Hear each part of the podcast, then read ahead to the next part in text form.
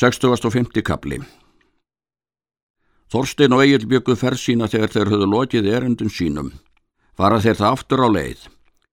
Og er þeir komuð söður um Dórafjall þá segir Egil að hann vil fara ofan til Raumstals og síðan söður sundaleið. Vil ég, segir hann, lúka erendum mínum í Sogni og á Hörðalandi því að ég vil búa skip mitt í sömar til Íslands út.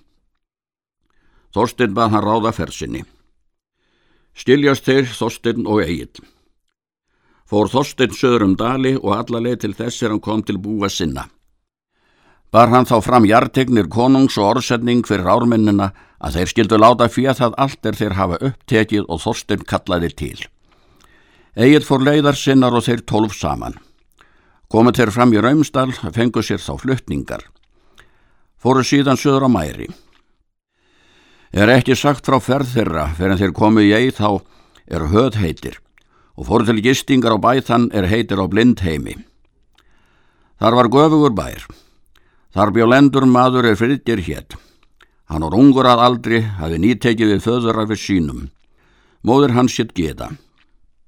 Hún var sýstir Arnbjarnar Hersis, skörungur mikil og göfu kona. Hún var að ráðum með sinni sínu friðderi. Hafðu þau þar rausnarbú mikið. Þar fengu þeir allgóðar viðtökur. Satt eigillum kveldið þið næsta friðgeri og förnöðar hans þar öðar frá. Var þar drittja mikil og dýrleg veistla. Gíða húsfreyja gekkum kveldið til tals við eigil. Hún spurði að Arinbjörni bróður sínum og enn að fleirum frendum sínum og vinum þeim er til Englands höfðu farið með Arinbjörni. Egil sagði henni það sem hún spurði. Hún spurði hvað til tíðand hefði gerst í ferðum Egils. Hann segir henni af hefði ljósasta. Þá hvað hann. Örðum gleið en ljóta landbeiðaðra reyði, sígrad gaukr ef glamma, gamveit of sig að þramma. Þar nautka enn sem optar Arnstads sjötulbjarnar, nýgrata allrsás hotla, hjálpendur og förgjálpar. Egil var all kátur um kveldið en freyðgjör og hemmamenn voru heldur hljóðir. Egil sá þar mei fagra og vel búna. Hún var sagt að hún var sýstir freyðgjers. Mærin var ókátt og grét einart um kveldið. Það þótti þeim öndarlegt. Þar voru þeir um kveldið, en um morgunin var veður kvast og eigi sæfært. Þar þurftu þeir far úr eiginni. Þá gekk freytir og bæði þau giða til fundara við eigil. Böðu þau honum þar að setja með förunauta sína til þess er gott væri færi veður og hafað þann fara beina allan sem að þeir þyrftu. Egil þekktist það. Sátu þeir þar veðurfastir þrjár nætur og var þar hinn mesti mannfagnadur. Eftir það gerði veður lengt. Stóðu þeir eigil þá upp snemma á morgunin og bjöggust, gengu þá til matar og var þeim gefið öl að drekka og sátu þeir um hríð. Síðan tóka þeir klæði sín. Egil stóð upp og þakkaði bonda og húsfreyju beina sinn og gengu síðan út. Bondi og móður hans gengu á götu með þeim. Þá gekk Gíða til málsvið Freykir svonsinn og talaði við hann lágt. Egil stóð með hann og beð þeirra. Egil mælti við meina. Hvað græður þú mær? Ég sé þig aldrei káta.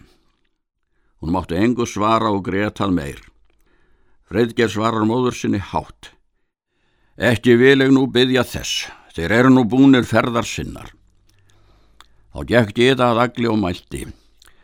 Ég mun segja þér eigil tíðindi þau sem hér eru með oss. Maður heitir Ljótur hinn Bleiti. Hann er bersekkur og holmgöngum maður. Hann er óþokka sæl. Hann kom hér og bað dóttur minnar en við svöruðum skjótt og sinniðum honum ráðsins.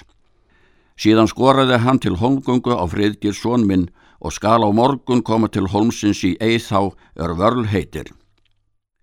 Nú vildi ég eigil að þú færi til holmsins með friðgeri. Myndi það sannast ef Arnbjörn væri hér í landi að við myndum eigið þóla ofriki slíkum manni sem ljótur er. Stilt er það húsfreyja fyrir sagir Arnbjörnar frændat þins að ég fari með sinni tínum ef honum þykir sér það nokkurt fulltingi. Þá gerir þú vel, segir Gíða, skulum við þá ganga inn í stofu og vera öll saman daglang. Sátu þeir þar um daginn en um kveldið komi vinur freytis þeir er til ferðar voru ránir með honum og var fjölmönd um nóttina. var þar þá veistla mikil. En eftir um daginn bjóst friðger til ferðar og margt manna með honum. Var þar eigill í för.